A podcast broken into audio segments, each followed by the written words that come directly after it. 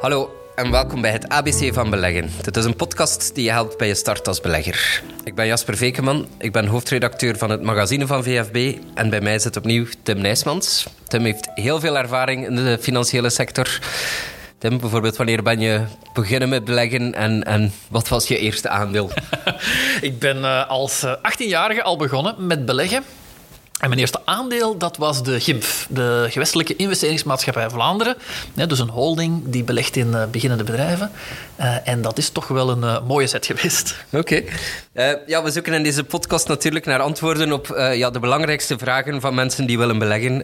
in deze aflevering, hoe stel ik een portefeuille samen? Nu, om te beginnen, mensen spreken vaak over een beleggingsportefeuille. Wat is dat precies, zo'n portefeuille? Wel, zo'n portefeuille dat moet je zien als een uh, verzameling van verschillende beleggingen. Hè, een mix. En die mix die bestaat eigenlijk uit uh, aandelen, obligaties, beleggingsfondsen, vastgoedverzekeringen, uh, edele metalen, cash. En de mix, de samenstelling daarvan, dat samen noemt men eigenlijk een beleggingsportefeuille. Hm. Misschien even terzijde, maar als het over die beleggingsportefeuille gaat, krijg ik toch vaak de vraag: mijn eigen huis, behoort die tot die portefeuille? Is dat eigenlijk een belegging of, of moeten dat apart bekijken? Als ik een huis gekocht heb, tenminste. Het is geen klassieke belegging, een eigen woning, maar uh, neem het wel mee in uw verdeling over verschillende bezittingen, hè, over verschillende uh, assets, zoals men dat in het Engels noemt. Omdat, stel dat je een eigen huis hebt en je denkt aan een eerste belegging, hè, als je dan bijvoorbeeld een appartement zou kopen om te verhuren, dan ga je eigenlijk van je vastgoedbelegging die je al hebt, want je eigen woning kan ook in waarde stijgen, ga je nog eens extra beleggen in appartementen, in extra vastgoed. Dus dan zou ik toch rekening houden met je eigen woning en dan eerder naar alternatieven gaan. Hm. Nu, je sprak bij een beleggingsportefeuille over het soort van mix tussen verschillende activa. Dus ik, ik vermoed dat er een soort ideale mix bestaat voor, ja, die er wellicht dan wel voor iedereen anders zal uitzien. Maar ja, wat, wat bepaalt nu hoe die mix er gaat uitzien? Ja, dus de, de samenstelling van je portefeuille, dat gaat van verschillende factoren afhangen. Dat klopt. Uh, leeftijd speelt zeker mee. Hè. Ben je wat jonger, ben je al wat ouder? Wat is je horizon? Uh, dat is een verschil met leeftijd. Uh, heb je nog 10 jaar of maar 5 jaar of heb je 40 jaar? wat is de risicogevoeligheid die, hebt? Lig je ervan wakker als je verlies zou hebben hè, of niet?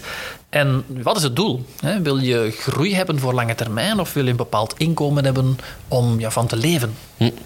Ik wil eens wat dieper ingaan op een aantal van die factoren. Je begon zelf met leeftijd. Hè. Je zei dat is inderdaad heel belangrijk. Nu, hoe beïnvloedt mijn leeftijd hoe ik mijn portefeuille ga samenstellen?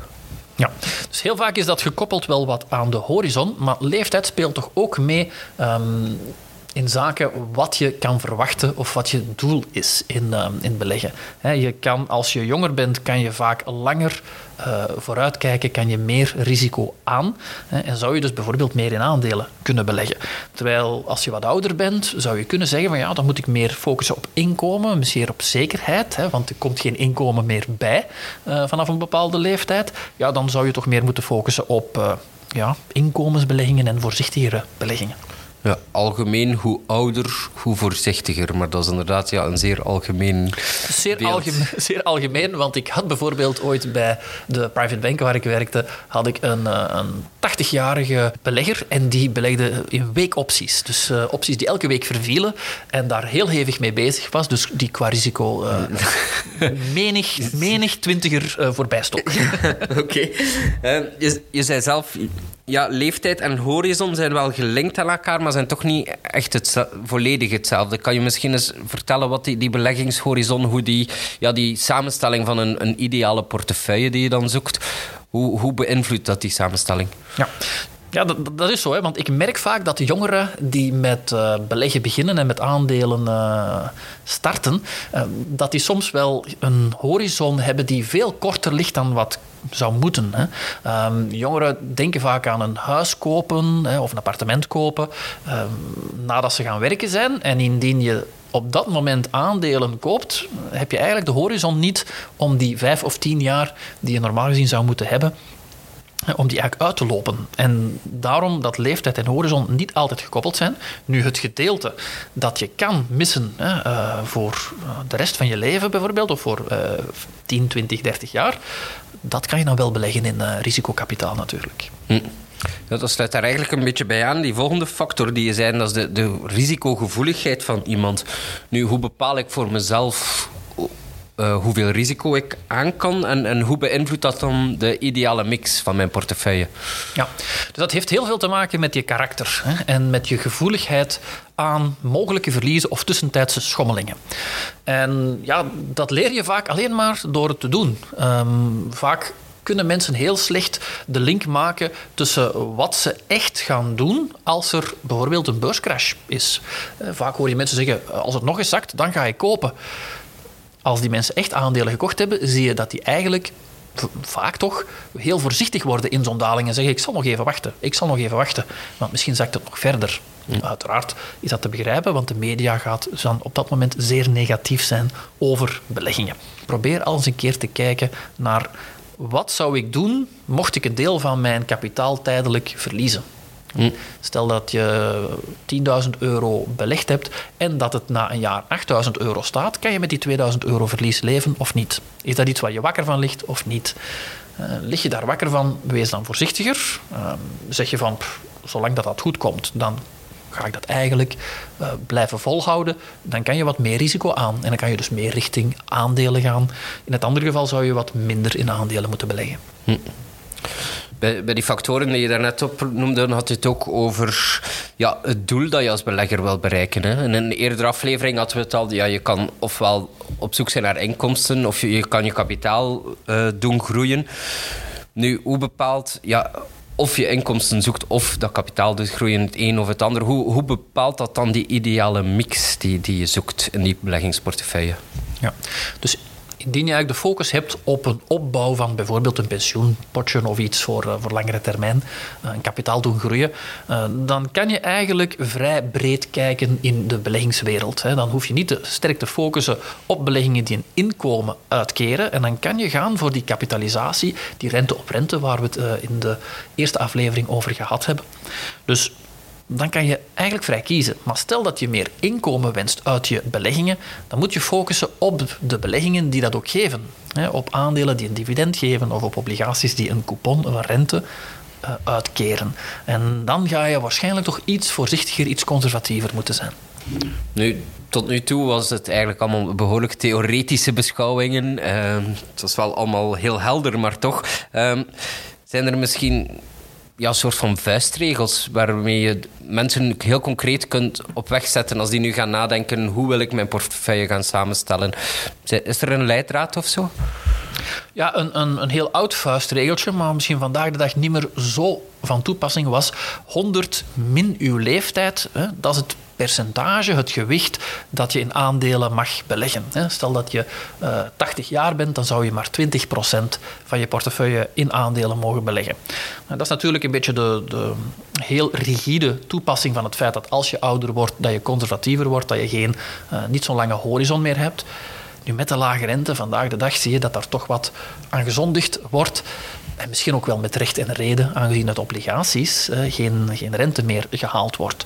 Maar klassiek kan je inderdaad wel zeggen van oké, hoe jonger je bent, hoe hoger dat percentage in aandelen mag zijn. Oké. Ik wil misschien nog een, wat concreter ook nog proberen maken door u een aantal situaties voor te leggen stel nu dat ik, ik ben 25 jaar, ik ben net begonnen en ik wil een, ik beginnen met werken, ik wil een portefeuille opbouwen. Ik, heb niet onmiddellijk nodig voor een huis te kopen, maar dat is echt voor die lange termijn. Hoe, hoe kan mijn portefeuille er dan bijvoorbeeld uitzien? Ja, dus als jongere kan je bijvoorbeeld als eerste al uh, beginnen met pensioensparen. Want dan heb je eigenlijk iets dat je opzij zet voor lange termijn. En omdat daar strafpenalisaties aan zijn om daar vroegtijdig uit te stappen, kan dat misschien ook wel je motiveren om in die pensioenfondsen te blijven. Mm. Um, anderzijds, stel dat je zegt van nu heb ik nog extra geld buiten dat pensioensparen om op lange termijn, en ik benadruk inderdaad 5 à 10 jaar horizon te beleggen, dan kan je bijvoorbeeld eerste stappen zetten. En iets dat ik persoonlijk dan wel zou aanraden is een ETF, een uh, tracker Waarom ook? Daar moet je niet te veel mee bezig zijn. En als jongere heb je misschien verschillende dingen te doen. Je carrière, kinderen, etc. En als je een tracker, een ETF koopt, die kan je kopen als je een mooi gespreide ETF koopt en laten staan. En dat is ook wel gemakkelijk dan als 25-jarige. Ja, maar dat is dan meteen wel een vrij groot gewicht voor aandelen. Dat kan, dat kan wel degelijk. En voor zo'n jong persoon. Als die de horizon heeft, als je dus dat uh, bedrag kan missen. Hè. Stel dat je als jongere zegt van ja, maar ik ga over, uh, ik, weet het nog niet zeker, maar misschien over twee, drie jaar een appartement kopen of ik ga beginnen bouwen, uh, ik ga aan kinderen beginnen. Vaak momenten dat je veel geld nodig hebt, ja, dan moet je toch twee keer nadenken. Want die twee à drie jaar horizon die je dan hebt, is toch wel te kort voor in aandelen te beleggen. Oké. Misschien een beetje de andere kant van het spectrum dan. Hè. Ik ben geen 25, maar ik ben 65 jaar. En ja, ik, ik krijg mijn pensioenspaarpot. Ik stop met werken. Ik krijg mijn, mijn pensioenspaarpot uitgekeerd. Ik heb dus opeens een, een behoorlijk groot bedrag ter beschikking. Ja, ik heb dat niet onmiddellijk nodig, dus ik wil dat gaan beleggen. Hoe kan mijn portefeuille er dan uitzien? Hoe begin ik die op te bouwen? En... Dat is inderdaad het, eh, het de klassieker, hè? de groepsverzekering die uitgekeerd wordt. Ehm, dat is een heel klassieke vraag die je krijgt als, eh, als een adviseur en die ik zelf ook al veel gekregen heb. Ehm, uiteraard gelden daar de vorige punten ook. Hè. Wat is je horizon? Wat is je doel? Stel dat je dat wil doorgeven aan de volgende generatie, dan is dat eigenlijk een andere instelling dan bijvoorbeeld als je dat zelf wil gebruiken voor uh, inkomen te creëren. Want dat is zo wat de klassieker uh, voor een 65-jarige, is dat er meer gefocust wordt op een aanvulling voor het pensioen. Vaak in België is het pensioen relatief mager in vele gevallen. En dan kan je dat uh, gebruiken, die portefeuille, om bijvoorbeeld aandelen die een mooi dividend uitkeren op te bouwen. Um, obligaties, indien ze mogelijk wat meer rendement gaan opleveren. En zo een mix maken van beleggingen die eigenlijk uh, extra geld, uh, extra inkomen creëren bij je pensioen. Oké, bedankt. Hè. Ja, wat ik vandaag vooral onthouden is dat ja, een beleggingsportefeuille dat een soort van ideale mix is eigenlijk tussen verschillende activa. Nu, die ideale mix is van verschillende factoren afhankelijk. Dus van mijn, van mijn leeftijd, van mijn doel, van hoeveel risico ik bereid ben te nemen. En ja, dus dat zal maken dat die ideale mix ja, een heel persoonlijk iets is en waardoor mijn portefeuille er altijd anders zal uitzien dan mijn buurman of iemand die ik ken. In een volgende aflevering buigen we ons terug over een zeer belangrijke vraag voor een beginnende belegger, namelijk wat is het belang van spreiding? Meer informatie over beginnen met beleggen vind je op onze website www.vfb.be. Je kan je daar ook lid maken of je kan ons volgen op de sociale media. Vragen of reacties kan je kwijt via info.vfb.be. Vind je deze podcast leuk? Stuur hem dan gerust door of deel hem via sociale media.